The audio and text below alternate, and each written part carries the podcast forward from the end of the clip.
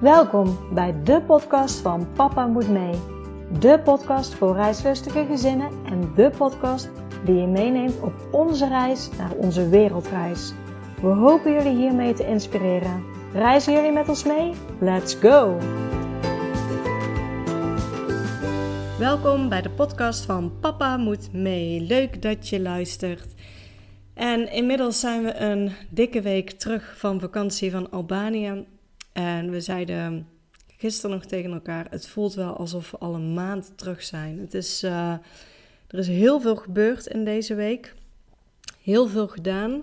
Ook heel veel voor anderen gedaan. En uh, dat beginnen we nu ook wel een beetje te merken. Absoluut niet dat we niks voor anderen willen doen.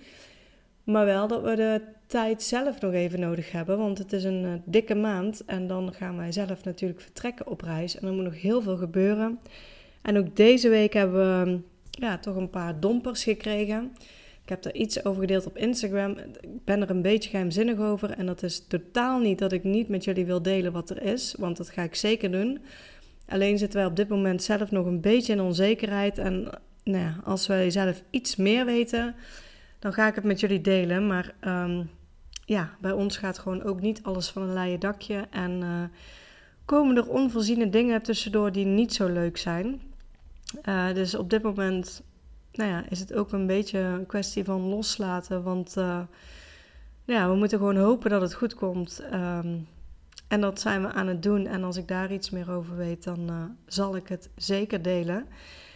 maar het vreet wel allemaal energie, merk ik. Dat je gewoon um, deze week ja, weinig energie, moe. En dat is ook de reden dat ik afgelopen week helemaal niks in het e-book heb gedaan. Dat ga ik uh, komende week echt weer oppakken. Want ik wilde het eind augustus, begin september gaan lanceren. Dat zal dus echt wel uh, richting september gaan. Uh, maar daar wil ik echt nog even keihard aan gaan werken om het helemaal af te maken. En dan hou ik jullie zeker op de hoogte. En ik hoop volgende week ook met jullie te kunnen delen. Um, zodat jullie ook kunnen begrijpen wat, um, wat hier allemaal is gebeurd. Voor nu, over uh, naar de aflevering van vandaag. Ik heb hier een mooi interview klaarstaan met de wereldverwonderaars. Mocht je nog niet kennen, ik heb met hun een miniserie opgenomen. Daar kan je ook even naar teruggaan, mocht je dat interessant vinden. Want ik heb hun helemaal gevolgd in hun voorbereidingen. En het mooie daaraan is, normaal in een podcast, een interview, het duurt een uur. Sommigen vinden het heel lang, maar aan de andere kant is een uur ook maar echt heel kort om over en de voorbereidingen te praten en de hele reis. Dus we gaan soms redelijk snel over onderwerpen heen. En vooral als je zelf ook een langere reis wilt plannen, heb je vaak iets meer vragen erbij. En daarvoor zijn die miniseries ontzettend handig, omdat we dan op één onderwerp gewoon langer daarop door kunnen gaan. Zodat ja, waarschijnlijk meer vragen van jezelf beantwoord zijn. Dus in hun voorbereidingen hebben we wereldverwonderaars helemaal uh, gevolgd. Halverwege hun reis heb ik ook nog een aflevering met hen opgenomen. Een uh, heel mooi, eerlijk verhaal waarin ze ook uh, vertelde dat het ja, ook niet altijd ging zoals ze hadden gedacht. Dat in het begin de kinderen even moeite hadden. En um, ja, nu sprak ik ze terwijl ze al thuis waren en vertelt ze hoe de rest van de reis is gegaan. Dus ik zou zeggen, heel veel luisterplezier.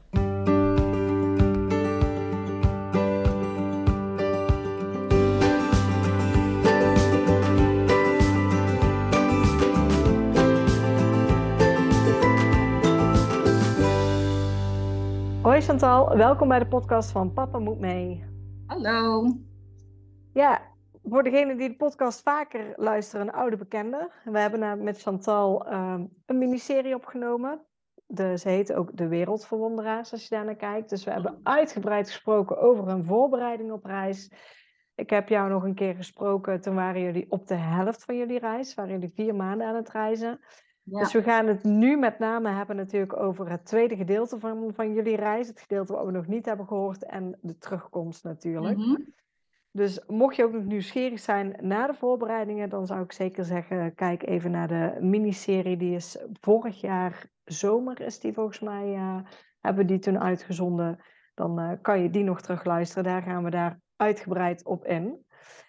Um, ja, voor nu, de laatste keer dat ik jou sprak, waren jullie net in Chili. Ja, die waren in Chili. Nee, volgens mij waren we nog in Argentinië. We waren Oh. weg Chili.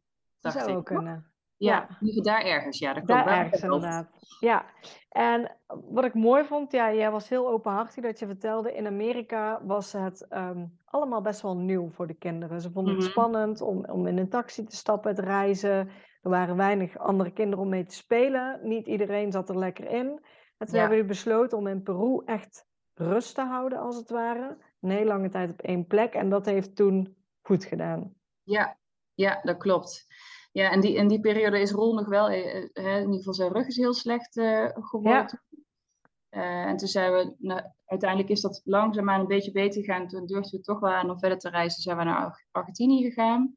En daar hebben we besloten om het steeds ja, ergens een week of twee weken te blijven. En dat proces hebben we eigenlijk in Chili niet doorgezet, maar daarna weer wel. Dus in Chili is het allemaal, zijn we heel snel gaan reizen, omdat we toen met andere mensen reisden. Eh, maar daarna zijn we ook zo langzaam blijven gaan. Dat beviel ons eigenlijk wel heel goed. Ja, dus eigenlijk van, van de eerste bestemming was nog redelijk vlug. En Ja, geleidelijk aan steeds meer rust ingebouwd in jullie ja reis. absoluut. Ja, ja, ja, zeker. Ja, dat was voor ons, voor ons allemaal eigenlijk gewoon, eh merkten we dat het ons gewoon goed deed. We konden daardoor veel beter eh, genieten, veel minder bezig zijn met we zijn aan het reizen, zoals dat je dat doet wanneer je met z'n tweeën op reis bent. Tenminste, zo deden wij dat toen we vroeger gingen reizen. Veel meer genieten van we zijn nu hier met elkaar.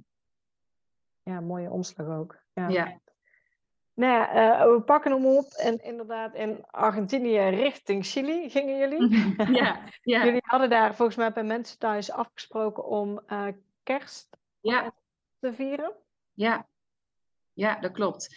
Ja, een, een, een eh, vriend van ons, die zijn vader komt uit Chili.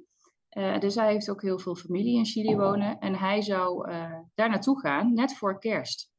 Ehm, en hij had ons al ge- gevraagd, of eigenlijk voorgesteld, voor kom gewoon naar het huis van mijn tante. En dan kunnen jullie met ons mee kerst vieren.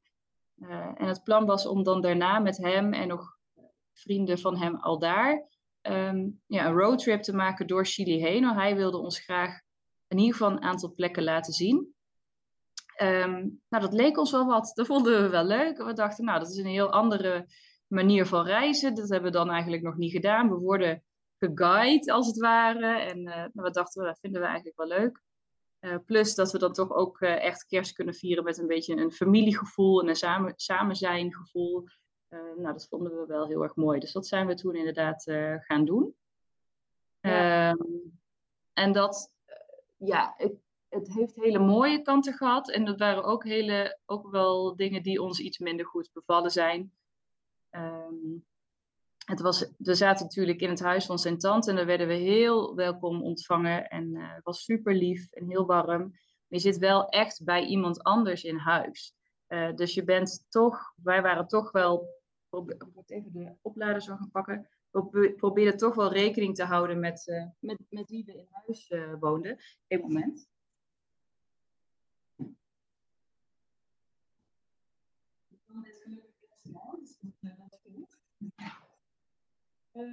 Ja, we proberen toch wel. Ja, je ha- die, die vrouw die is halverwege of begin 70, dus dat, dat is nog niet iets. Hè? Als er dan ineens een gezin bij je in huis komt.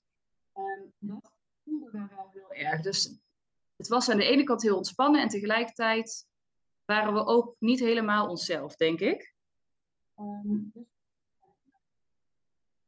zelf gingen reizen en, en weer gingen roadtrippen, was het eigenlijk heel fijn. Konden we dachten, we gaan weer ons eigen ding doen. En we hebben echt prachtige stukken gezien. Echt ongelooflijk mooie natuur. En het was ook heel leuk om met een groepje eh, op pad te zijn. En tegelijkertijd wilde eh, die, die vriend ons alles laten zien van Chili, wat hij maar kon laten zien. Dus het reistempo ging echt nog hoger dan dat het in Amerika was. Ehm dat hadden we al een klein beetje verwacht, dus we hebben wel geprobeerd de kinderen daarop voor te bereiden.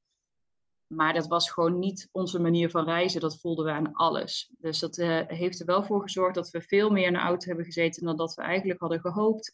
En ook dat, het, ehm, nou, dat we toch, toch iets minder van konden genieten dan dat we op andere plekken deden. Omdat we gewoon bijna geen tijd hadden om het te internaliseren, zeg maar. Zo voelde het een beetje. Eh, dus we waren echt back off na drie weken Chili. Ja, ja. ja, dus dat, dat, is, ja, dat is een beetje hoe Chili verliep. We hebben schoolwerk toen overigens helemaal losgelaten. We dachten, dat, dat kunnen we er niet ook nog eens bij gaan doen. En wat, wat wel heel leuk was, is dat er ook nog een jongetje was van de leeftijd van Veenova. Uh, dat was een Chileens jongetje, dus er zaten elkaar natuurlijk vooral heel veel vieze woorden in elkaars taal uh, te leren. en dat was, uh, maar het was ook fijn voor hun om, een, om een speelkameraadje te hebben. En ja, op, op één plek zijn we ietsje langer gebleven. En er waren ook paarden, dus dan is het voor de kinderen eigenlijk gelijk alweer, alweer goed.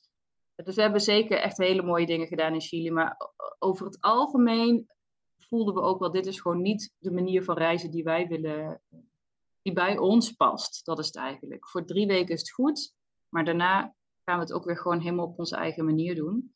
Ehm, en toen zijn we na Chili zijn we naar uh, Panama gegaan en daar hebben we dat wel echt, uh, echt gedaan. En Panama was voor ons een beetje, die, die, kwam gewoon op ons pad. We hebben heel lang um, erover nagedacht, wat gaan we nou precies doen? We willen dan wel naar Chili, maar wat dan? Um, en, en, we wilden eigenlijk heel graag naar Australië en naar uh, Azië en Nieuw-Zeeland. En je kan vanuit uh, Santiago, kan je met een directe vlucht naar Sydney vliegen. Maar ja, we hebben die prijs in de gaten gehouden, maar dit bleef zo duur. Je bleef gewoon 1500 euro per persoon voor een enkeltje betalen. Ontzettend duur. Dat was echt veel meer dan dat we in ons budget daarin wilden besteden eigenlijk. Um, Plus dat als je via met, zeg maar een omweg zou gaan via Amerika of via Europa, ja, dan, ben je zo lang weer bezig. Zagen we gewoon niet zitten met, uh, met V en Nova. En zeker niet met Nova, met, uh, met die ADHD, om dan zo lang onderweg te zijn. We merkten sowieso dat de reisdagen veel van hen vroegen. Dat waren niet de dagen waarop zij het meest gezelligst waren. En als je dan zo lang in een vliegtuig zit, dus we hadden eigenlijk al zoiets van, nee, dat, dat valt gewoon af. Dat, uh, dat dan maar niet. Weet je, Australië drijft niet weg. Dat bewaren we dan gewoon voor een andere keer. En wij vinden het Amerikaanse deel van de wereld ook echt wel heel fantastisch. We zijn daar echt heel gek op. Dat, dat waren we al, omdat we natuurlijk eerder uh, ook al in, in Zuid-Amerika en ook in Noord-Amerika waren geweest trouwens. Um, dus de, daar waren we al gek op. Spreken Spaans, dat, dat scheelt ook. Maar we zijn er gewoon, uh, zijn, ja, zijn er, we houden er echt van. Um, maar het midden hadden we nog nooit bezocht. Dus we dachten, ja, we zijn nu in Zuid, we hebben Noord gehad, we zijn nu in Zuid. Ja, we kunnen ook gaan naar Centraal-Amerika gaan. Um, want daar wilden we altijd wel graag naartoe, maar dat is er gewoon nooit zo van gekomen. En dus, ja, het ligt helemaal open, dus waarom niet? En toen zijn we gaan kijken naar vliegtickets, wat, wat het goedkoopst was. En dat was vliegen op Panama. Nou ja, prima, dan gaan we naar Panama, via daar naar Costa Rica. Zo is het eigenlijk een beetje uh, bedacht. Dus en met het moment eigenlijk dat ik me ging verdiepen in Panama, zag ik wat een ontzettend leuk land is dat eigenlijk. Ik heb me er nooit zo op gericht. Um, het staat een beetje in de schaduw van Costa Rica, denk ik. Maar het is ons, ik vond het echt een hele leuke verrassing. Het was echt ons, ons verrassingsland, zeg maar, op de hele reis. Ja, leuk. ja. ja. Ja, dat is echt heel, heel leuk. Ja. Ja, want je merkte volgens mij toen al de laatste keer dat ik jou sprak, dat wel ook in dat soort landen, Panama, Costa Rica, langzaam uh, volgeboekt werd, zeg maar, qua accommodaties en zo. Want jullie zijn toen ook iets verder vooruit gaan plannen, dacht ik. Ja, dat klopt. Ja. Ja, in Chili hebben we dan wel alles nog losgelaten, want dan gingen we of beeld kamperen of we keken net waar we uitkwamen en dan namen we een Airbnb of een camping. Maar we zagen inderdaad, en wist ik ook wel al, uh, in Panama staat er ook wel onbekend dat het moeilijk is om op de Bonnefoy daar rond te reizen, omdat veel dingen daar volgeboekt zijn. En dan is het ook nog eens zo dat, dat, uh, dat we daarheen gingen in het hoogseizoen. Echt in het hoog, hoog, hoogseizoen van de zomer, zeg maar. Um, ja, dat ging heel snel. Ik had een aantal leuke plekjes opgeslagen uh, op, de, op de websites. Hè, dus Airbnb en Hostelworld en uh, et cetera, Booking. En eigenlijk de, de leuke plekjes, die, die waren gewoon zo binnen nood en waren die gewoon weg. Uh, dus nee, dat, uh, dat, dat, we moesten er echt iets in doen. Dus toen zijn we op een gegeven moment zijn we gaan zitten. Uh, gaan kijken van waar is dat, willen we dan echt vastleggen waar we heen willen? Maar ja, het moet bijna wel, anders is het gewoon niet te doen. En toen hebben we een plannetje gemaakt en toen hebben we eigenlijk Panama helemaal volgepland. Oeh. Sorry, mijn zoon die wil een coolpack pakken. oh, dat is niet zo handig dat je doet. Uh, maar goed, uh, we, hebben, we hebben ongeveer vijf weken zijn we in, uh, ongeveer vijf weken zijn we in, in Panama geweest en, en toen door naar Costa Rica. En die hebben we deels hebben we die gepland en deels niet. Dus daar konden we het iets losser laten. Er zijn meerdere plekken zijn in Costa Rica die je kan boeken. Ehm, en het, is, het, hele hoogseizoen was toen ook weer voorbij. Dus toen konden we het iets losser laten. Dat, en dat hebben we ook gedaan. Maar nog steeds, we vonden het, het gaf ons wel rust om uh, drie weken uh, vooruit te plannen, zeg maar. Weten van, nou, we gaan dan ongeveer daar naartoe en dan ongeveer daar. Het gaf, het gaf ons echt wel rust in de reis om dat niet helemaal open te hebben. Terwijl, we van, terwijl we van tevoren dachten, oh, we moeten dit echt helemaal loslaten, want we willen los van de agenda. Nou, dat werkt voor ons gewoon niet. dat vinden we helemaal niet zo, helemaal niet zo relaxed. Je bent de hele tijd aan het zoeken, is er nog ergens plek? Nee, hier is geen plek. Moet weer doorrijden? Nee, hier eigenlijk ook niet. Ja, dit vinden we eigenlijk niet leuker uitzien. Echt gats? Nee, nee, nee. Terwijl van tevoren een beetje verdiepen in wat is er daar in de omgeving te, te doen, dat was, paste voor ons veel beter. Ja, want toen jullie Panama gingen boeken, je zei al van, van het reistempo in Chili was um, redelijk hoog, dat wilde je niet meer. Hebben jullie daar toen met boeken al rekening bij gehouden? Dat je telkens een, een week of langer eh, op één plek uh, hebt geboekt toen ook? Ja, Panama stad niet. Uh, eigenlijk blijven we niet zo heel lang in de steden, maar Panama stad zijn we ietsje langer gebleven, omdat we heel even wilden zakken, zeg maar. Um, en dat we hadden, omdat we gingen roadtrippen en omdat we met een groepje waren, hadden we al een beetje verwacht dat dat, dat, dat zo zou gaan. Ehm, dus toen hebben we, heb ik tegen Roel gezegd van, ja, zullen we gewoon, nadat we in Panama stad zijn aangekomen, de eerste plek echt even twee weken gaan zitten. Nou, dat vond hij een goed idee. En het is, het is ook spannend, want je weet ook niet hoe de plek gaat zijn. Uh, maar we hadden er een goed gevoel bij en dat is heel mooi uitgepakt. We zijn uh, op een plekje toen gaan zitten aan de kust. Eh, Playa Vanau heet het. En het is het was altijd al bekend bij locals als een goede surfspot, maar het is ontdekt door expats, maar nog niet zo booming en zo enorm groot. Omdat het, het is, je kan daar vrij makkelijk wel komen met een aantal bussen vanuit uh, Panama stad, maar wil je vervolgens doorreizen naar andere plekjes, is het lastiger. Dus het, valt niet zo heel snel in de geëikte route die de meeste toeristen nemen, zeg maar. Met als gevolg dat er wel echt een community is, uh, maar die is niet heel groot en die is een beetje gemixt met locals en, en expats. Um, het schijnt dat er veel Israëliërs zijn, maar die hebben wij niet per se heel veel eh, gezien, maar dat hoorden van andere mensen. Uh, en, dat, en dat beviel ons eigenlijk heel goed. Leuke, relatief nieuwe gebouwen, maar nog wel lekker met zandweggetjes in plaats van alles vol geasfalteerd. En mensen die in hun zwemspullen of in hun surfspullen over straat heen shocken en uh, hier en daar een koffietentje en ergens een bakkertje ja, gewoon heel kneuterig. En, eh, en ja, ik vond het echt heerlijk. Dat was wel een plek waarbij we allebei zoiets hadden van, oh ja, dit is wel een plek waar we eigenlijk zouden kunnen wonen. was als het niet zo ver weg zou zijn geweest, dan hadden we daar wel kunnen Ja. Ja, en zeg maar, sorry. Ja, voor jullie was die rust dus ook af en toe gewoon heel erg fijn om die in te bouwen in de reis. Dus ergens op die plek, een fijne, rustige plek, als het ware nog even twee weken rustig te ja. zitten ja, eigenlijk een soort van ons, ons huisje was dat. En um, het grappige is dat we daar, maar ook op meerdere plekken, als we ergens langer zaten, dat er altijd een hond was die ons wist te vinden. En daar ook. We hadden hem Hugo genoemd dit keer. En uh, die lag dan onder, die was ook van niemand, tenminste niemand die wij daar in de buurt kenden, was het baasje van deze hond.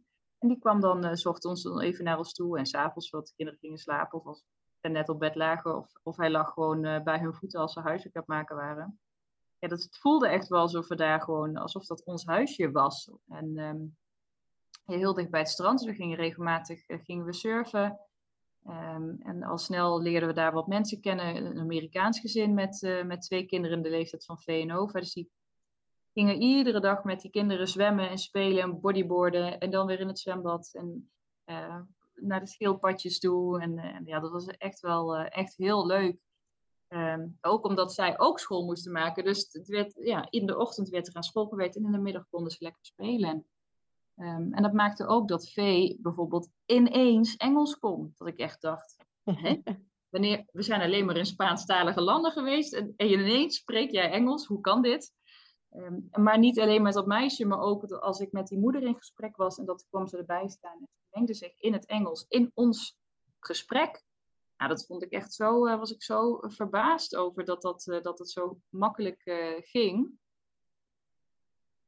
Het is wel, wel bizar, want jullie zijn natuurlijk wel in het begin in Amerika geweest als, als Engelstalig land. Ja, dat maar was eigenlijk het enige land. Ja, en daar waren ja. relatief weinig kinderen, zei jij toen al, om mee te spelen. Dus hebben ze waarschijnlijk puur om zich heen Engels gehoord. Maar daarna zijn jullie alleen maar in Spaanstalig gebied geweest. Ja. En jullie spreken zelf ook Spaans. Dus jullie hebben je daar ook met Spaans, denk ik, neem ik aan, daar uh, wegwijs gemaakt. In plaats van met Engels. Ja, ja absoluut. En, en zij zijn ook wel ontwikkeld in het, uh, in het Spaans. Nova wat meer dan V, denk ik. V is wat meer ontwikkeld in Engels. Um, maar zeker, nee, absoluut. Zij zijn uh, zeker wel uh, ook Spaans gaan praten. Maar ja, toch, al reizende kom je zoveel Engelstalige mensen tegen, dat het, denk ik... En ik denk dat het ook vanuit hier in Nederland, weet je, het kijken van filmpjes of het, het horen van de taal hier, dat het al iets meer erin zat dan het Spaans, waardoor ze het daardoor misschien iets sneller heeft opgepikt. Maar ook wel Engels of Spaanse woorden hoor. Uh, bijvoorbeeld uh, je eten bestellen in een, uh, in een restaurant of vragen waar de wc is of zich voorstellen. Of echt die basisdingen, die, die deden zij ook wel. Dat is heel leuk wel om te zien. ja, leuk. Ja. ja, maar echt met een Spaanstalig kind spelen, dat ging niet in het Spaans. Dat niet. En dat ging op een gegeven moment wel met de Engelstalige kinderen. Ja, ja. grappig. Ja. ja. Ja, dus ja, het was echt alsof we, daar, eh, alsof we daar wonen. Het was ook een plek waarbij we het voor het eerst echt jammer vonden om weg te gaan. We zaten er twee weken, zaten er twee weken en we hadden met grootste gemak hadden we daar uh, nog veel langer kunnen blijven. Ja, heerlijk. Ja. Maar ja, je had die andere accommodaties ook al geboekt, dus ja, we moesten door. Ja. En het was ook goed hoor. Het was, eh, wat dat betreft willen we ook wel meer van een land zien. Het is niet dat we op één plek willen blijven en alleen dat stukje willen zien. Zoals we in Peru natuurlijk wel hebben gedaan en met een reden. Maar um, nee, het was goed om, om, om door te gaan. Maar het was wel het mooiste plekje van Panama, denk ik. Voor ons althans. Uh, dus, dus, we zijn daarna zijn we nog naar een andere uh, plaats aan het strand geweest. Dat heet uh, Santa Catalina. Daar hebben we bijvoorbeeld gesnorkeld met haaien en met schildpadden.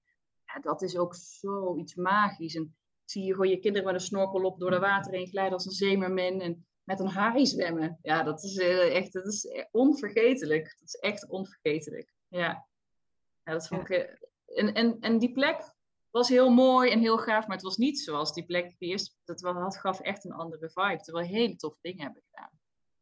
Ja. Ja, en wat ik al zei, we, hebben, we zijn in, in Playa nou bijvoorbeeld uh, naar de schildpadjes geweest. hebben ook van die babyschildpadjes vrijgelaten. Wat, wat, alleen dat al vond ik een hele mooie les voor de kinderen. En vervolgens komen Santa Catalina, gaan we snorkelen, zien we grote zeeschildpadden zwemmen. Wat natuurlijk een hele mooie follow-up eigenlijk is.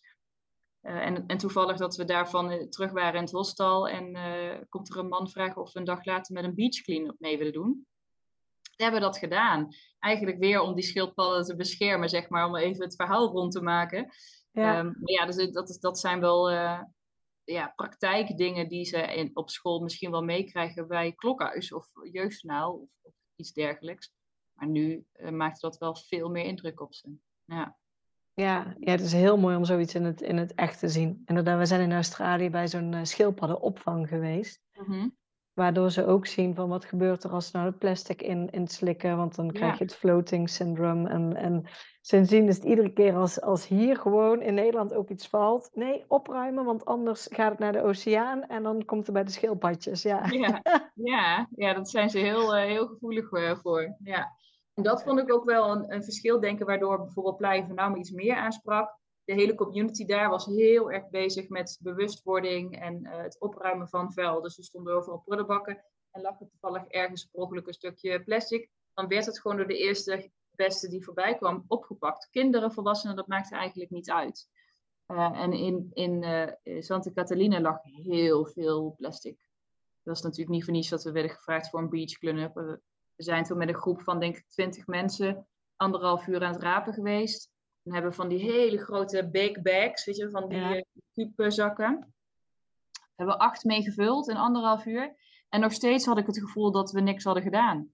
Ja, Als ik dan rondkeek, dacht ik, uh, hebben we niks weggehaald. Maar ja, dat, is, dat ligt zoveel. En het is niet alleen van de mensen die daar wonen hoor. Het is heel veel van de internationale scheepvaart, waar dingen of overboord waaien of overboord gegooid worden.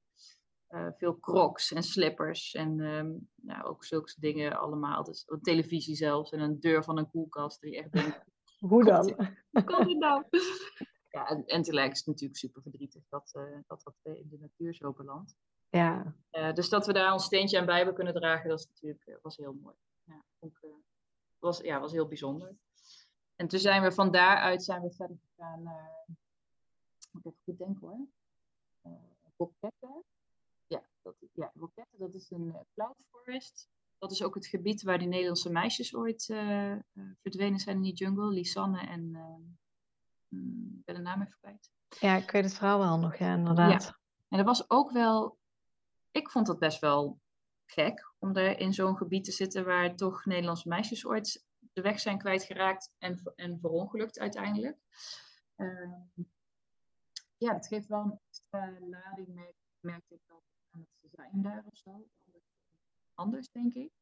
Uh, we zijn wel gewoon die jungle erin gegaan, maar we zijn, waren ons er wel bewust van uh, dat we paden kozen die goed aangegeven of dat we ons konden registreren bij de ingang. En moet ik ook wel zeggen dat er in die zin veel verbeterd is op het moment, uh, ja, eigenlijk na hun verdwijning. Dat veel mensen gaan voortaan met gidsen bijvoorbeeld. Of, zo'n registratiesysteem is er. Dus dat, dat is dan wel nou, fijn dat zulke dingen verbeterd zijn. Maar het is natuurlijk super verdrietig uh, dat dat eerst aan vooraf heeft moeten gaan.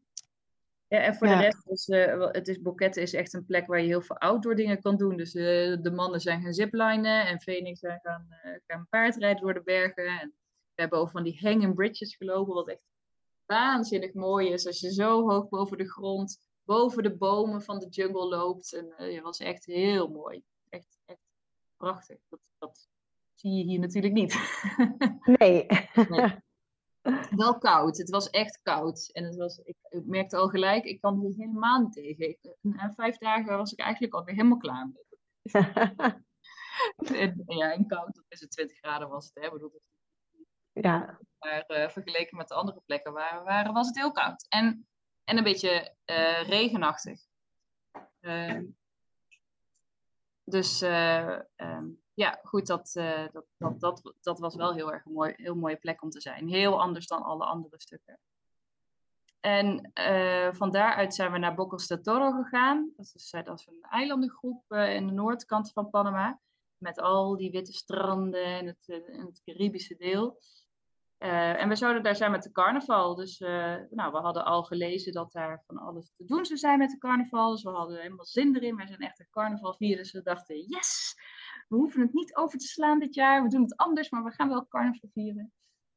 En we komen daar aan. Uh, we hadden al gezien dat het uh, veel zou gaan regenen helaas de dagen dat we er zouden zijn.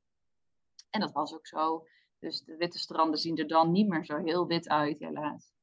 Um, en toen, ja, wij kwamen aan op het eiland en ik zei tegen Roel, we moeten even naar een plekje waar wifi is, want ik heb nog geen adresgegevens gekregen van, de, uh, van het adres van onze Airbnb.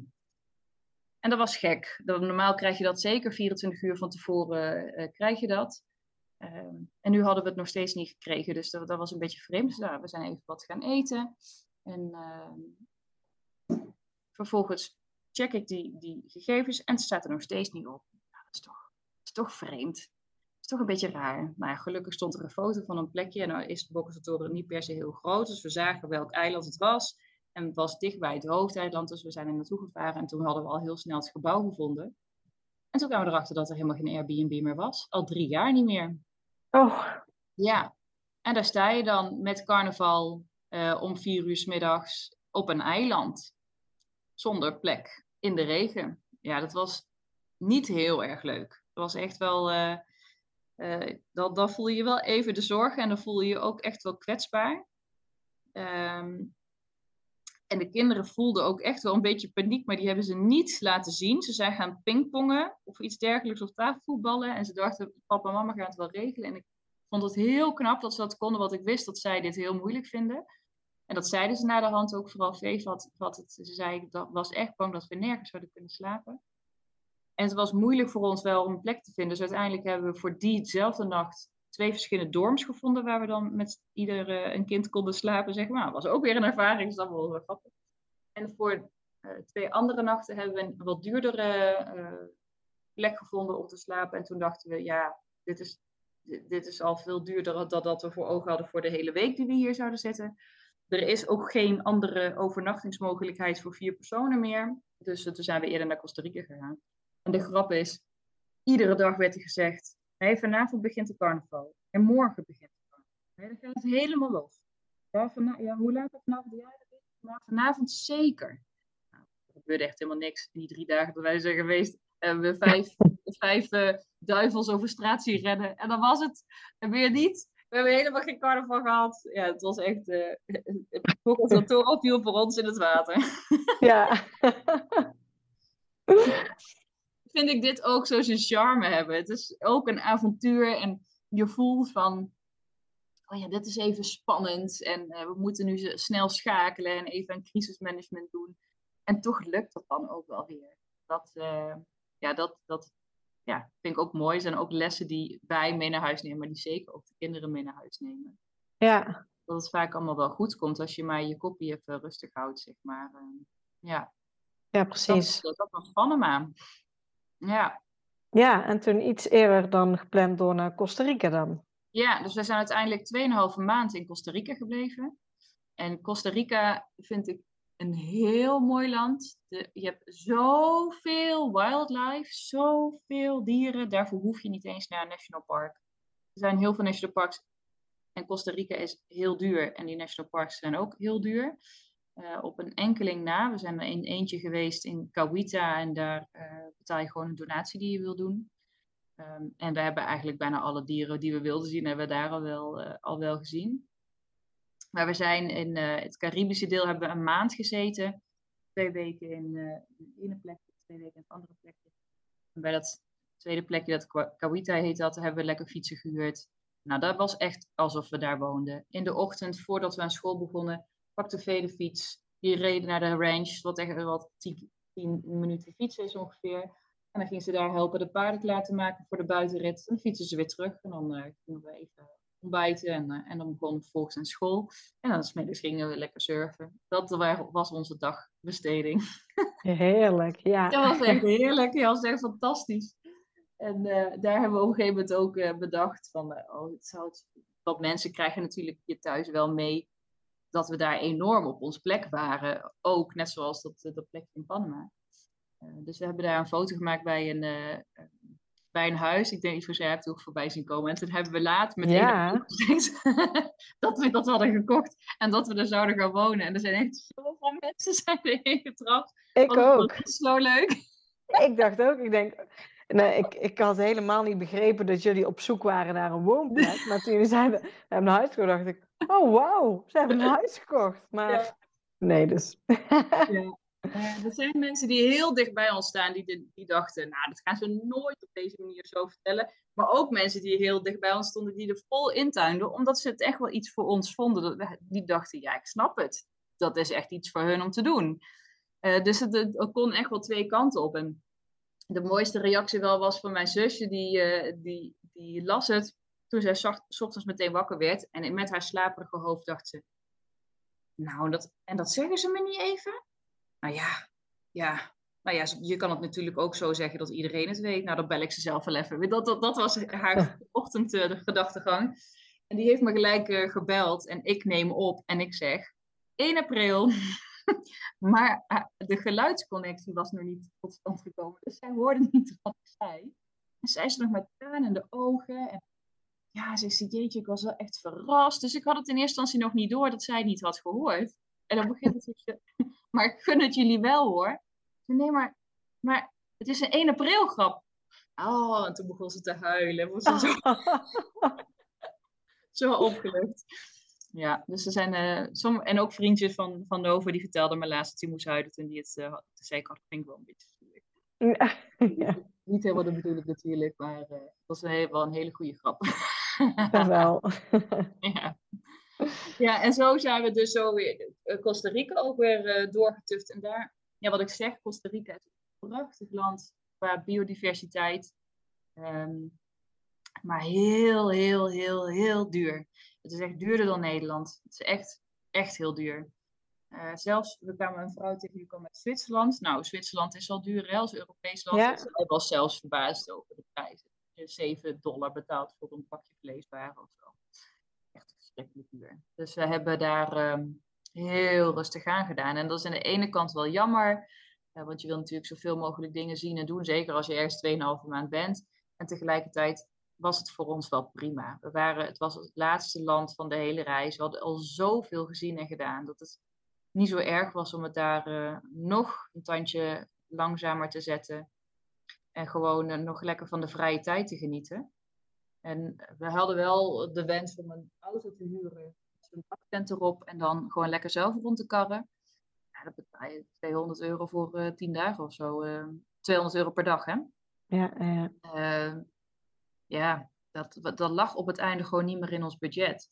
Dus dat, ik ik zou Costa Rica voor iedereen aanraden, maar wel als vakantieland en niet zo snel als doorreisland, zeg maar, of als onderdeel van een langere reis, omdat het zoveel van je budget vraagt. Um, en ja, als je een auto kan huren omdat je gewoon voor, op, voor één luxe vakantie gaat, dan kan je ook de wat minder toeristische plekken aan doen die waarschijnlijk iets goedkoper zullen zijn. Ja. Ja, en jullie hadden ook al het ticket naar huis geboekt. Ja. Ja, en dan op een gegeven moment nadert natuurlijk die datum. Ja. Hoe, hoe is dat dan voor jullie? Voelt het van, oh, we gaan weer naar huis, yes? Of voelt het van, oh nee, het is dadelijk echt voorbij? Ja, het heeft voor mij heel lang geduurd. Ik denk dat het toen wij, moet ik even goed denken, toen we net in Costa Rica aankwamen, ja, net wij, ongeveer anderhalve maand voordat we naar huis toe gingen, heb ik gebeld met mijn werk, een videocall, een beetje voorbereiding altijd treffen voor de terugkomst. En dat was wel het moment dat ik zoiets had van, oh, ja, ik heb eigenlijk wel weer zin in. En dat was echt oprecht het eerste moment. Het was echt na zes maanden dat er iets begon te kriebelen van, oh, ik heb eigenlijk ook wel weer zin om terug naar huis te gaan. Ehm, en ik had natuurlijk al die tijd al wel weer zin om heel veel mensen te zien. Daar had ik heel veel zin in. Ja. Uh, dat, dat gevoel is niet weg geweest. Maar ik had nu op dat moment ook wel weer zin om gewoon in ons leven in te stappen in, in Nederland. Dat was, heeft bij mij dus echt wel uh, wat langer geduurd. En dat is gaandeweg steeds meer gaan groeien. En ehm, ook eigenlijk bij ons allemaal, bij ons alle vier wel, dat dat uh, hoe dichter bij de datum kwam, hoe meer zin we hadden om naar huis te gaan. En wij zijn de laatste drie weken hebben we heel bewust voor gekozen om op één plek te blijven. Uh, en het was ook op. Er was een zee in de buurt en we hoefden niet meer naar de zee. We hadden een zwembad en we vonden het heerlijk om alleen maar aan het zwembad te liggen en rustig water. Geen golven die over je hoofd heen komen en die het snot uit je neus spoelen. de, gewoon lekker, uh, ja, en, en dat, we waren nog wel van plan om in die laatste week naar een vulkaan te gaan in Costa Rica, maar het was daar een uitbarsting, dus hebben gezegd, dat doen we niet. we blijven dan maar nog een weekje langer hier. En in die drie weken, die laatste drie weken, konden we heel erg bezig zijn van, oh, wat hebben we allemaal niet gedaan? Wat hebben we allemaal niet gezien? En geleerd en, en uh, meegemaakt? En wat waren nou de mooie momenten en wat waren nou de niet zo leuke dingen? En, uh, zouden we dit nog een keer doen? Of hè, zouden we hiervoor kiezen als we nog een keer dezelfde keuze zouden mogen maken? En allemaal zeiden we ja. Dus dat, dat ook de kinderen, die zeiden ook van ja, als we, als, je, als we nog een keer zouden mogen kiezen, wetende wat er zou gebeuren, zouden we ja zeggen. Dus dat nou, vond ik wel heel fijn om te horen. Ja. Uh, het heeft bij hun echt wel eventjes geduurd voordat ze dus gewend waren aan het reizen en het zo lang weg zijn en het met z'n vieren samen zijn. Of lang, nou ja, het heeft gewoon, ja, in Peru kwam dat pas een beetje. En dat, dat heeft zich ook wel doorontwikkeld, dat ze steeds meer ervan begonnen genieten en uh, steeds meer in het moment leefden in plaats van al bezig waren met dat wat was in Nederland en dat weer, wat weer zou gaan komen. En in die laatste drie weken kwam dat natuurlijk steeds meer. En op een gegeven moment was het een, een week voor vertrek. En toen zei Nova, zei, uh, ik vond het echt fantastisch, maar ik vind het nou wel mooi geweest. En dat dekte zo de lading voor ons allemaal. Dat, dat was het ook. Uh, dus we, ja, we zijn ja, heel prettig eigenlijk. Echt gewoon een beetje zenuwachtig teruggegaan naar huis. Zo van, laat dat vliegtuig alsjeblieft niet neerstorten, want ik wil net zo graag weer terug naar huis als toen op reis. Ja, ja, ja. ja. Dus ja, dat, we, zijn heel, we zijn heel positief teruggegaan naar huis. En het vooruitzicht van lekker weer scheelt ook wel heel veel. Dat, dat ja, absoluut. Ja, het maakt volgens mij heel veel uit in welke periode je thuis komt. Als ik hoor als mensen hier in de winter aankomen en dan met name het weer. We hebben natuurlijk niet eens extreem koude winter gehad, maar heel nat en grauw. En daar hebben mensen heel veel moeite mee. Dus inderdaad, het is beter om in de voorjaar, zomer terug te keren. Met goed weer in Nederland dan, uh, dan het grauwe grijze weer. Ja, precies. En uh, de eerste, toen we aankwamen, die dag was heel lekker. En toen de tweede dag geloof ik ook. En toen werd het alweer wat iets minder weer. Volgens mij was 16 graden. Iedereen hier in Nederland was helemaal euforisch. Want oh, het was weer lekker. Uh, en de, ik dacht alleen maar, ik heb het hartstikke koud. Ik had het echt hartstikke koud. Dus ik, ik, liep ik in een t-shirt, want iedereen liep in een t-shirt en ik zat alleen maar kippenvel. Want het was toch wel een groot verschil. Van 38 graden naar 18 graden, is toch wel een flink verschil. Maar goed, dat, uh, uh, ja, dat, uh, dat, dat, dat is even wennen. En ik merkte ook wel dat na twee weken dat grijzige, koude, tussen haakjes weer was, vond ik dat ook wel weer niet meer zo leuk. Dus ik denk dat als ik in de winter terug was gekomen of in de herfst, ik denk dat ik gewoon een, een, een, een postreisdepressie had gekregen. ik zeg het nu grappig, maar ik denk dat het echt zou zijn gebeurd. En zeker nu ook, met, dus, hè, nu we deze podcast opnemen, het is hartstikke lekker weer. Iedereen heeft erover hoe heet het is. En ik denk alleen maar, ik vind het heerlijk. Ik heb geen last van de overgang, omdat we het gewoon natuurlijk al heel lang zijn geweest. Dus misschien moet je me eens vragen hoe het is op het moment dat we weer in december zitten. Ja. maar nu vind ik het heerlijk om terug te zijn in, in Nederland. En ja, dat was, we zijn een week uh, nadat we terug waren, moesten de kinderen weer naar school en, en ik weer aan het werk. Uh, Rol die is afgelopen week weer aan het werk gegaan, dus die heeft zes weken nog uh, thuis gehad. Uh, maar voor mij was het ook wel, ehm, ja, ik was heel snel weer gewend en de kinderen eigenlijk, eigenlijk ook. We stapten gewoon daarin waar we uitgestapt waren. En, en dat ik vond het niet zozeer moeilijk om in Nederland weer terug te zijn, maar de realisatie van hoe makkelijk dat gaat, nou dat vond ik vooral heel gek eigenlijk. Ik vond dat gekker.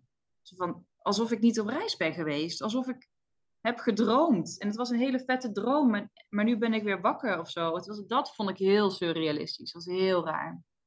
Ja, en, en de kinderen, hoe zijn die weer ingestroomd op school? Want jullie hebben natuurlijk acht maanden lang zelf les gegeven onderweg. Ja, wat, wat merk je daaraan als die dan weer naar school gaan? Ja, de uh, V die heeft het echt, um, die had heel veel zin. Die had gewoon heel veel zin om met de vriendinnen weer lekker in de klas te zitten. Ze zei wel, ik vind rekenen een beetje moeilijk. Ik heb het liefst gewoon dat één iemand, een één juf naast me zit. die, had het, uh, die vond het wel heel fijn dat ze gewoon één op één uitleg kreeg. Maar eigenlijk is ze nu alweer weer heel snel helemaal gewend. En Nova die kwam in een nieuwe klas terecht. Dus die, die was zeg maar de, de, ja, de, de nieuweling in die eerste drie dagen, die gedraagt zich lekker als een clown, uh, hè, die, die, vond het wel leuk. En toen op, op dag vier werd de meester ineens een beetje boos, want hij was wel klaar met het uh, clowneske gedrag. En daar was hij toch wel heel erg van onder de indruk. Dat had hij toch niet zo leuk gevonden. Dat hij toch ook weer serieus moet werken. Dus hij heeft even wel een klein beetje moeite gehad om weer zijn plekje te vinden. Maar dat, uh, dat gaat gelukkig ook steeds beter. Dus dat, dat is wel heel fijn. Ja, en qua niveau? Ja, we, hebben, we moeten nog een, uh, een gesprek hebben. Ze zijn afgelopen weken hebben ze gewoon allemaal, gewoon heel school, uh, hebben in ieder geval bij V hebben ze een aantal toetsen gehad. En over twee weken hebben we de, de voortgangsgesprekken. En dan hoor ik het. Maar ik verwacht, ik verwacht, ik, ja, ik verwacht geen achterstand. Hoog, of ze zijn gewoon gelijk gebleven of echt vooruit gegaan. Dat, want ik kan me niet voorstellen dat ze achteruit zijn gegaan. Nee, dat, dat, kan ik me echt niet voorstellen. Zij hebben zo hard gewerkt. En als ik zag wat voor tussendoor hadden ze ook wel eens een, een reflectie van rekenen bijvoorbeeld. Dus dat betekent dat je ook een soort van toets moet maken. Dat noemen ze dan reflectie. Um, en die, die haalden ze allebei met glas, uh, vlag en wimpel. Dus dat ging hartstikke goed. Dus ik, ik denk niet um, dat ze een achterstand hebben opgelopen. Nee. En we hebben echt niet iedere dag naar school gewerkt hoor. Daar gingen er heel soepel mee om. Goed om te horen. Ja. Ja, ik heb wel gezegd trouwens, want als je me nu zou vragen, ga je weer met ze op reis en doe je dan weer hetzelfde onderwijs? Zou ik volmondig ja zeggen. Maar ik herinner me ook dat ik op een gegeven moment op reis heb gezegd, dit ga ik nooit meer doen. Ik wil nooit meer als moeder de juf zijn voor mijn kinderen.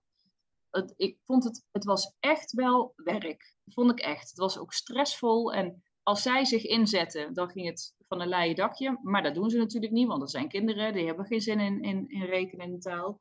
Het zijn nou niet bepaald de allerleukste vakken van school, dus dat snap ik ook wel. Ehm, maar ja, dat, dat zorgt echt wel voor weerstand. En ik heb, ben niet een juf, dus ik heb veel minder geduld. Dus ik, dat, dat zorgt ook echt wel voor de nodige ruzies. Uh, en dat ik dacht, ik, doe, ik, wil, ik wil het niet meer. Ik, ik wil gewoon een online juf die met de kinderen lessen doet. Ik ga het niet meer doen. Ja, we hebben het geprobeerd hoor, om het in het begin dat we dan, dat Roel de ene deed en ik de andere. Ja, dat gaf veel te veel druk. Of dan deed hij het rekenen en ik taal. En dan werkte, merkten we dat het voor Vee eigenlijk fijner was als ik rekenen gaf. Op een gegeven moment uh, zei ik, ik doe wel gewoon school. Gewoon één strategie, ik doe het op deze manier iedere dag. En dan, uh, dat werkt uiteindelijk dan nog enigszins het beste. maar leuk was het niet. Het was echt het stomste stukje van de hele dag. Ja, ja. Maar ja, wel mooi om ook een eerlijk verhaal te horen. Hoe dat ja, zeker. Is. Ja, nee, absoluut. absoluut. Ja. ja. Ja, zeker weten. Ja. Jullie hadden je huis verhuurd. Hoe is dat gegaan bij je terugkomst? Ja, heel goed. Uh, zij waren zes weken voordat wij terugkwamen, waren ze ons huis al uitgegaan. En ze hebben het heel netjes uh, schoon opgeleverd. Uh, aan, de, aan, een vriend van ons, die, die, die onderhield het contact met hen en die heeft de sleutel ook weer op, opgehaald. En ze hebben het gewoon heel, ja, het was gewoon perfect. Zoals hoe wij het achter hadden gelaten, zo hebben zij het ook weer achtergelaten. Dus dat is eigenlijk heel goed gegaan. Dus dat is wel, uh, ja, ben ik heel blij mee. Dat is echt wel fijn. Ja. Ja, ja. super. Ja, en hebben jullie dan nog iets, want je komt terug, uh, je gaat je ook weer inschrijven bij de gemeente. Ja. Komen daar dan nog vragen? Nou ja, dat is wel grappig. Uitschrijven kan je online doen. Dus ik dacht, inschrijven doe ik ook online. En we hadden eigenlijk zo gedacht, want onze auto stond bij een uh, collega van mij op het terrein. We dachten, nou, we, komen terug, schrijven we online in. Die halen we die auto op, brengen we die naar de keuring. Wordt gekeurd, kunnen we auto rijden, hartstikke zie. Dat, was, dat zou vast makkelijk gaan, maar dat was niet zo makkelijk. want voor die inschrijving moet je een afspraak maken, dus je moet naar de gemeente. Dan staat er dat je je gewoon inschrijft. Dus het lijkt alsof je als gezin inschrijft. Maar toen zaten we bij de gemeente, bleek dat alleen ik me had aangemeld. Nou had toevallig, uh, waren wij al in, hebben we al in deze gemeente gewoond. Dus hadden we uiteindelijk een masseltje dat ze ons toch als gezin konden inschrijven. Maar anders hadden Roel en VNOVA nog eh, later terug moeten komen. Um, en dan, uh, dus ze vraagt niet per se heb je gereisd of wat heb je gedaan. Um, maar wel uh, dat ze zei, wat is jullie laatste land? Waar komen jullie van nu uit vandaan? En nou, was Costa Rica. Toen moest ik zo'n formulier ondertekenen en dan staat er land van herkomst Costa Rica. dat vond best wel, best wel leuk. Maar wij hebben natuurlijk, toen we weggingen, hebben we gezegd, uh, wij emigreren naar de Verenigde Staten. Want dat was het eerste land waar wij uh, naartoe zouden gaan. En op een gegeven moment was die hele inschrijving verwerkt. En dan krijg je na een aantal dagen krijg je een, um, een uitdraai thuis. En dan staat er een heel rijtje van alle adressen waar je in Nederland hebt gewoond. En dan staat er als ene laatste, uh, stond dan de Verenigde Staten van Amerika. Nou, ik vind dat best cool. Ja. dat is wel leuk. dus dat, uh, dat was eigenlijk uh, betreft het inschrijven. ja, dus we moesten gewoon even naar de gemeente. En dat ging eigenlijk op zich uiteindelijk vrij vlot. met de auto, die hebben we dan laten keuren. En toen kon hij vervolgens ook weer aangemeld worden. Dus dat ging ook wel uh, uiteindelijk wel makkelijk. Um, maar, en school zouden kinderen zelf aanmelden. Uh, maar toen kregen we ineens uh, een, een, brief van de leerplicht dat Vee niet aangemeld was op school, maar ze woonde wel weer in Nederland. Dus eh, daar was even op school iets niet helemaal goed in gegaan. Maar dat hebben zij vervolgens aangepast en ik heb die brief opgestuurd van ze is wel ingeschreven. En stempel van school erbij en toen was dat ook weer geregeld. Dus uiteindelijk dat, is, dat zijn niet zo heel heftige dingen. Het viel reuze mee. Nee. Ja. Hebben jullie van de belasting nog iets gehoord? Want ze hebben het altijd over het M-formulier. Ja. En ik heb ook te horen gekregen dat met name de pijldatum zit op 1 januari, 31 december. Nou, jullie zijn zeg maar met, met de jaarovergang, waren jullie niet ingeschreven? Nee. Nee, wij hebben gewoon onze belastingaangifte gedaan zoals altijd. En, en die hebben we ingevuld en dat was het. En de, dus we hebben niks hoeven invullen verder. Wij dachten ook, we moeten een M-formulier invullen. En de, dat wilden we al niet, want we hebben toch niet gewerkt. Ja. Eh, dus dan, dan was ik daarvoor even naar de Belastingdienst gaan bellen natuurlijk om te kijken of we wat anders konden doen. Maar hij is niet gekomen. We hebben gewoon normaal eh, onze belastingaangifte gedaan. En dan ben ik ook heel benieuwd, als je dat wilt delen met ons. Waar hebben jullie de huurinkomsten aangegeven van jullie huis? Is het in box 1 of in box 3? Ja, daar hebben we heel lang naar gekeken. Dus zou ik echt even aan Roel moeten vragen eigenlijk hoe dat ook weer zat. Ik weet, ik ben hier heel slecht in. En ik, we- ik weet dat we ergens moesten aangeven, ik denk dat het een box 3 is geweest. Want we moesten aangeven wat de waarde was van ons huis. Ja, dat is box 3. Maar die stond totaal niet in verband met dat wat we aan huuropbrengst hadden gehad. Dus als we dan onze waarde van ons huis zouden opgeven, dan, dan zouden we heel veel geld moeten gaan betalen, wat echt veel meer was dan dat we uit de huur hadden gehaald. Dus we hebben hem uiteindelijk wel daarbij opgegeven, maar, eh, maar we hoefden niet een totaalbedrag in te vullen. Dat, dat was, het was een beetje vaag, het was heel raar, maar we hebben hem wel een box 3 opgegeven. Oké. Ja, voor de rest, ik neem aan dat wordt nu verwerkt. Er is nog geen eh, uitslag, om het, om het zo te zeggen. over. Nee, nee niet, de de- niet die definitieve, zeg maar, niet op papier. Ze zetten het in spanning te wachten. ja, ja. Stond er bij jullie wel, aangifte wel nog iets van ehm, tussen die en die periode niet in Nederland? Ja, en dat had weer gevolgen voor onze AOW en de WOZ. Eh, daar moesten we dan aangeven hoe lang we niet in Nederland waren geweest. Ehm, en dat was, dat, het is even goed lezen, maar uiteindelijk lukte het wel. Ja, want, want de AOW, tenminste de SVB, die heb ik eh, nu al een paar keer gebeld, maar die geeft wel gewoon aan, als je weer binnen het jaar terugkeert, binnen Ja. gewoon 12 maanden, loopt die AOW-opbouw wel gewoon door. Ja, ja, volgens mij valt het uiteindelijk, viel het ook wel. We moesten alleen aangeven van hoe lang we dan weg waren geweest. En dat is vorig jaar dan vier maanden geweest. Ehm, dus dat, volgens mij viel het uiteindelijk wel mee. Maar je moest het wel eventjes aangeven. Oké, ja. Ja, Nou Ja, goed om te weten. En ook dat, Ja. dat inderdaad het M-formulier, de ene krijgt hem wel, de ander hoort niks meer. Het, het, er is bijna geen pijl op te trekken. Nee. Ja, nee, nee. Nee, het is heel verschillend. Wat ook wel gek was, was dat we de WOZ hadden ontvangen. Die hebben we toen gelijk betaald. En die kregen we weer teruggestort. Dat we dachten, hm, dit is ook vreemd. En op het moment dat we ons inschreven, eh, een week later werd hij wel afgeschreven. dus ik heb, eh, dat is ook heel raar. Dat was ook heel vreemd gegaan.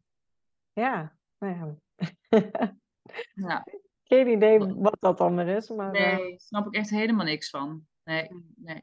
Maar goed, het is, het is wel geregeld. Dus eh, ja. ja. Ja, en, en qua andere dingen, want, want jullie zorgverzekering, daar heb jij volgens mij, je hebt op een gegeven moment in het begin van één verzekering iets gehoord, maar het ging meer over schade, een schadegeval. Toen heb je gezegd van ik ben er niet, en toen was het goed. Ja, dat klopt, ja. Het was uiteindelijk, ik heb voordat wij eh, op reis gingen, heb ik, nou bedrijfsongeval is een heel groot woord, maar tijdens een bedrijfsuitje heb ik mijn hoofd flink gestoten op een stormbaan. En dat, mijn nek was, eh er klonk een krakend geluid. Die heb ik zo ja, naar achter geknakt en die eh, hoor je zo. Dus uiteindelijk ben ik door de ambulance afgevoerd. Ehm, en die kregen natuurlijk te horen dat dat op een bedrijfsding was geweest. Dus ik werd gecontacteerd en dat ik dit als bedrijfsongeval kon aanmerken. Dan zou ik de kosten van, de, van mijn eigen risico terug kunnen vragen aan het werk. eh, van het werk. En daar bleek het uiteindelijk over te gaan. Ehm, en dat heb, daar ben ik wel mee aan de slag gegaan. Maar dan moest ik dat formulier moest printen. En ik kon nergens een copyshop vinden. En uiteindelijk dacht ik, nou, het is nu zo lang geleden. Laat maar. Ik geloof niet dat ik nu nog... eh, recht heb op dat geld. Inmiddels een jaar terug. Ja. Ja, dus dat, ehm, ja, Maar dat voor de- het toen. Maar voor de rest van jouw verzekering, heb je, was het gewoon geregeld? Heb je onderweg ook niks meer gehoord? eh? want Nee. jullie hadden wel een WLZ-onderzoek gedaan van tevoren. Ja, Daarvan kreeg je, neem ik aan, ook pas weer de uitslag op een moment dat je op reis was. ja, we konden gewoon verzekerd blijven. Ehm, dus dat eh, ja, we waren gewoon verzekerd in Nederland met onze gewone normale verzekering en, en zo'n aanvullende bij eh oom verzekerd hadden. Een expertverzekering. Ja. Ja, Dat, eh, ja, dat was, dat was duur, maar goed geregeld. Het gra- de grap is wel dat uh, Rudy heeft gebruik gemaakt van chiropractie, maar daar wordt er niet door ver- vergoed. Hij zelfs een stukje glas in zijn oog gehad. Moest hij uiteindelijk naar het. eh, tijdens het surfen heeft hij iets in zijn oog gekregen en hij, dacht gewoon, oh, dat is gewoon water of iets. En die heeft hij twee weken lang mee gelopen, maar het bleef maar zo heel erg irriteren. En uh, uh, toen dacht, hadden we nog even gegoogeld, dachten we, oh, dat is een uh, hoornvliesbeschadiging. Dus hij is toch maar even naar een oogarts gegaan. Want dan doen ze gewoon een druppeltje erin en dan schijnt het weer makkelijk te genezen. Maar toen bleek dat toch iets in zijn oog zat. En toen haalde hij het er zo uit. Het bleek een klein stukje glas te zijn. Zo. Ja. Ja, dus maar de, de, en die kosten heeft hij niet, heeft niet eens hoeven betalen. Oh. ja, dus dan heb je zo'n dure verzekering, dan hoef je niks te betalen. Dus dat is toch wel uh, ja. komisch, ja. Maar ja, ik snap als je naar Amerika gaat, dan, uh, dan is het wel goed om. Uh, ja, zeker. Maar dat is natuurlijk. ook lastig, want wij moesten dan. We hadden wel, uh, omdat we niet langer dan zoveel weken in Amerika bleven, zat hij toch in onze verzekering erin. Ja. Maar op papier staat dan dat hij er niet bij zit. Dus je moet dan bellen met de verzekering. En dat nummer deed het dan weer niet goed. Uiteindelijk schoot het helemaal niet op. Want wij zaten bij een arts, met bijvoorbeeld een splinter in zijn, in zijn vinger, in zijn knokkel. Een hele, echt zo'n dikke houten splinter. En die was gebroken. Dus we kregen hem niet meer uit. Maar we zijn er ook gewoon maar weggegaan. We dachten, dit is niet gewoon niet te regelen. We kijken het nog wel aan. En als hij echt last van krijgt, dan doen we het wel er, dan. Uh, inmiddels zit nog steeds een stuk hout in zijn knokkel. Oh. Maar uh, ja, goed. Dat, uh, dat, dat, dat is ook hoe het dan in Amerika gaat. Maar inderdaad, als je echt iets hebt en je bent in Amerika, dan wil je wel goed verzekerd zijn. Want dat is niet, niet grappig. Ja. Ja, als je nu zo achteraf terugkijkt, viel het allemaal mee, het regelen? Ja, zeker. Het is, je moet er even voor gaan zitten en je moet het even uitzoeken. Maar ik denk dat als je jouw podcast luistert, dan heb je al een heel eind duidelijk wat je al moet regelen. En dan is het gewoon eventjes gaan doen. Even, de, even je vrije tijd te verpakken en, en even die dingen ja, in orde maken. Maar uiteindelijk vond ik het geregeld niet eens... Nee, viel, viel mij alles mee. Zou ik zo weer doen, eigenlijk. Ja. ja. Ja, goed om te horen. Überhaupt zou ik het zo weer doen hoor. We hebben ook over gehad, zouden we het nog een keer willen doen? Het antwoord is ja. Zouden we, we zouden heel graag nog een keer zoiets willen doen. Uh, maar dan misschien met een camper door, uh, door Europa heen. Dat lijkt ons ook wel wat. Maar dan willen we eigenlijk alleen doen als de kinderen ook echt volmondig ja tegen zeggen. Op dit moment zeggen ze, nou, zeggen ze nee, voor nu zeg maar. Maar ze zijn gewoon heel blij om terug te zijn in Nederland. Ja. Um, maar ja, als, op een gegeven moment krijgen zij zo'n leeftijd dat, dat we vinden dat, ze, dat zij daar zelf. Weet je, nu konden we ze gewoon meenemen. Dit is wat we willen gaan doen en jullie gaan gewoon mee. Maar als zij over, uh, over vier jaar of zo, of over, over drie jaar, zijn ze in de puberteit, in ieder geval veel wel. Ja, dan, dan, moeten ze hier zelf ook achter kunnen staan. En anders dan hebben wij maar eventjes te wachten als, uh, als ouders zijn. Um, ja, een belangrijke in ieder alles heel intens beleefd hebben. Dus het was intens genieten en intens mooi. Maar er waren ook hele heftige momenten dat we elkaar even niet zo aardig vonden. dus we, we hebben echt ook wel meer irritaties gehad en meer ruzies. Um, uh, maar ook veel meer gelachen en veel meer genoten. Dus het he die hele acht maanden hebben we veel, veel meer geleefd eigenlijk. Uh, en ik denk dat het daardoor ook voelt alsof, alsof we langer dan ja, alsof het langer geleden is dan jaren dat we, dat we zijn begonnen aan die reis. Dus echt, de, de tijd lijkt uh, wel, wel vier keer zo lang als dat hij daadwerkelijk was. En ik denk dat het komt omdat het allemaal zo ontzettend intens was. Ja, ja ik kan me voorstellen. Het is natuurlijk eh, het mooiste om 24-7 bij elkaar te zijn, maar aan de andere kant is het gewoon ook af en toe heel zwaar. Ja, zeker, absoluut. En dan, dan klaag ik er niet over, want het is natuurlijk, we doen onszelf dit aan. Het is een enorme luxe probleem. Maar er waren echt wel momenten dat ik dacht, ik word echt even helemaal, uh, helemaal simpel hiervan. Uh, ja, ja dat, die waren er ook echt uh, ook zeker wel. En P begint met een voet zo in die puberteit te komen, dus die had af en toe ook echt wel uh, pittige buien. Heel pittig is het natuurlijk nog niet, maar wel de nodige dramatieken. Ja, heeft het jullie uh, wel als gezin dichter bij elkaar gebracht? Ja, dat denk ik wel. Ja, ja, dat denk ik wel. Uiteindelijk voel je dat denk ik nog meer op het moment dat je ergens een crisis hebt, zeg maar. Hè? Eh, het grappige is dat toen we terugkwamen, of die eerste week, hebben Veenhoven zich echt van ons afgezet. Toen waren ze buiten het spelen en riep ik ze naar binnen en dan werden ze boos. Nee, ik wil nog niet eten. Ik wil er niet naar binnen. Ik dacht, wow, heftige reactie. Uh, waren ze echt wel, uh, ja, echt heel erg aan het zoeken weer van, uh, oh, we zijn nu weg, we zijn hier terug en we willen een klein beetje los van papa en mama. Een heel gezonde reactie, denk ik ook. Eh, maar dat was na een week ook wel weer uitgebalanceerd, zeg maar. En ehm, ja, ik denk zeker dat wij als gezin wel ja, dichter bij, elkaar zijn komen te staan. Dat denk ik wel. En ik denk ook dat nu begint het af en toe een beetje te komen dat ze, dat ze aan iets refereren van, van de reis. Of van een ervaring die ze daar hebben opgedaan. Of oh, weet je nog dat we dit deden? Of weet je nog zus? En ik denk dat zij. Um, nee, meer bij, bij V merken we trouwens ook nu al wel. Zij is veel zelfstandiger. Veel zelfstandiger ook dan dat ze op reis was. Maar ook dan dat ze daarvoor in Nederland was. Die gaat nu alleen met de vrienden zwemmen in de plas. Staan een dorp een aantal dorpen verderop, deze eerder nooit. Dus die is echt wel een heel stuk zelfstandig geworden. En, maar verder denk ik dat zij pas echt de vruchten ervan gaan plukken. En misschien ook wel pas echt gaan waarderen wat we hebben gedaan wanneer ze ouder zijn. Dus als zij nog meer kunnen beseffen wat we eigenlijk hebben gedaan. En nu, ook voor mij, is het echt nog onwerkelijk om te beseffen wat we hebben. Ja, en ik, ik, ik denk vooral voor kinderen dat die. En ze vinden het leuk misschien op het moment op reis. Of misschien soms wat minder leuk. Maar ik denk dat ze inderdaad pas het besef komt hoe bijzonder het is dat je het hebt kunnen doen. Dat dat inderdaad pas later is. Want kinderen die, ja, die, die snappen dat nog niet. Nee. Op, deze, op deze leeftijd. Nee. En ze weten wel dat ze bijzondere dingen hebben gezien. Of dat ze hele arme kinderen hebben gezien. En, en dat is nu ook... Um, het, mijn moeder zei vroeger wel eens... Uh, honger? Nee, honger hebben de kindjes in Afrika. Hè? Dat, dat was zeg maar... Ja. maar als ik zoiets zeg van ja, jij loopt nu te piepen over dit, maar denk ze even terug aan wat die kinderen daar wel niet hadden, dan, dan, dan voelen ze dat gelijk. Dat is wel een heel andere vergelijking. Dus dat, uh, ja, dat, dat, of, of het geld inzamelen voor een goed doel, zij voelen daar echt wel iets anders bij dan dat ze dat eerder deden. Dus uiteindelijk uh, verrijkt het hun, denk ik, als volwassenen straks ook. Ja. ja. Hebben jullie uh, bijgehouden wat jullie reis heeft gekost?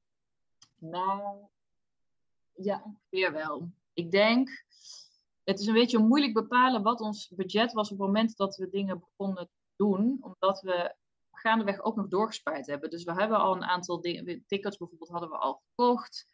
En tegelijkertijd waren we ook nog aan het sparen. Dus ik denk, ik denk dat we uiteindelijk 55.000 euro, zoiets, 60.000 euro, zoiets hebben gespendeerd.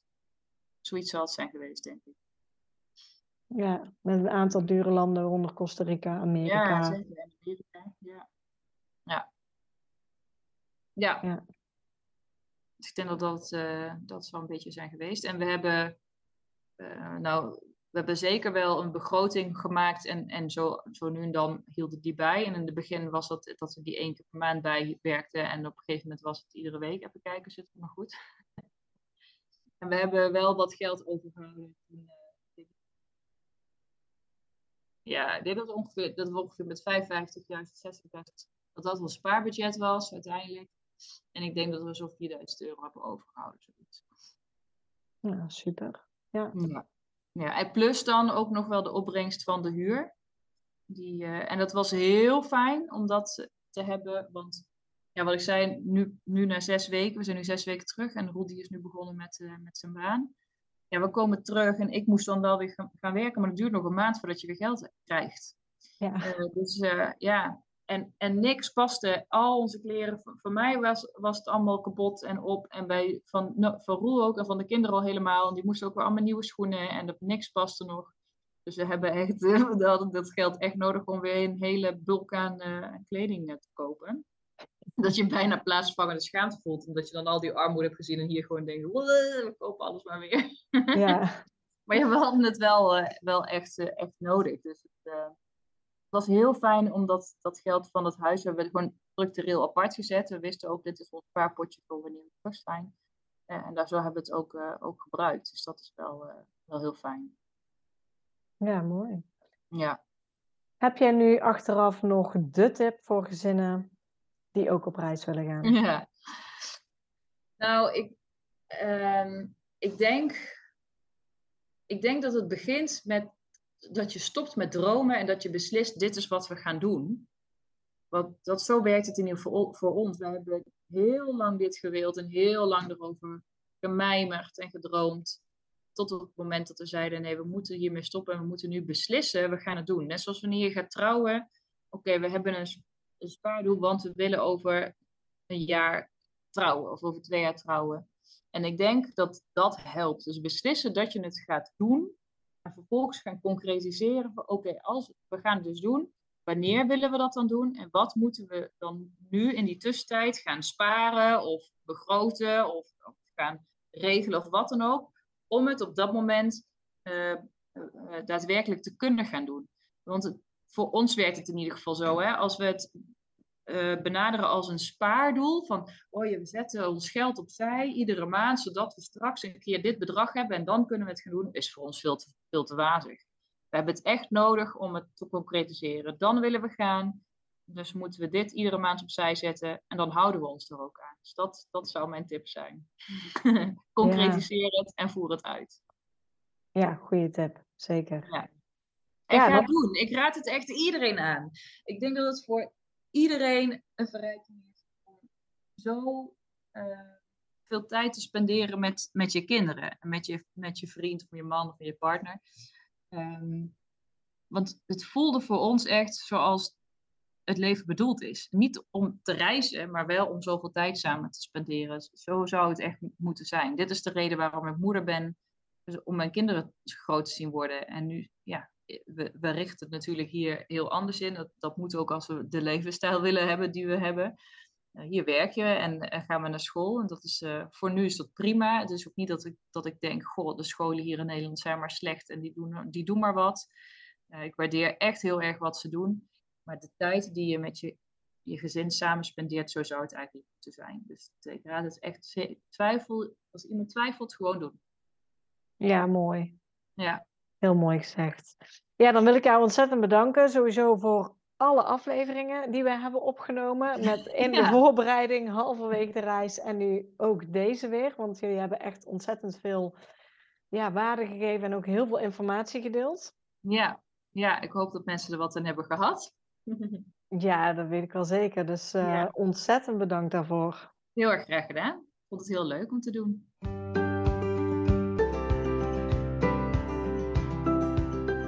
Bedankt voor het luisteren naar deze podcast. Ik zou het heel leuk vinden als je ons volgt op Instagram. Papa moet mee. Deel deze vooral in je stories als je hebt geluisterd en tag ons. En laat ons weten wat je ervan vond.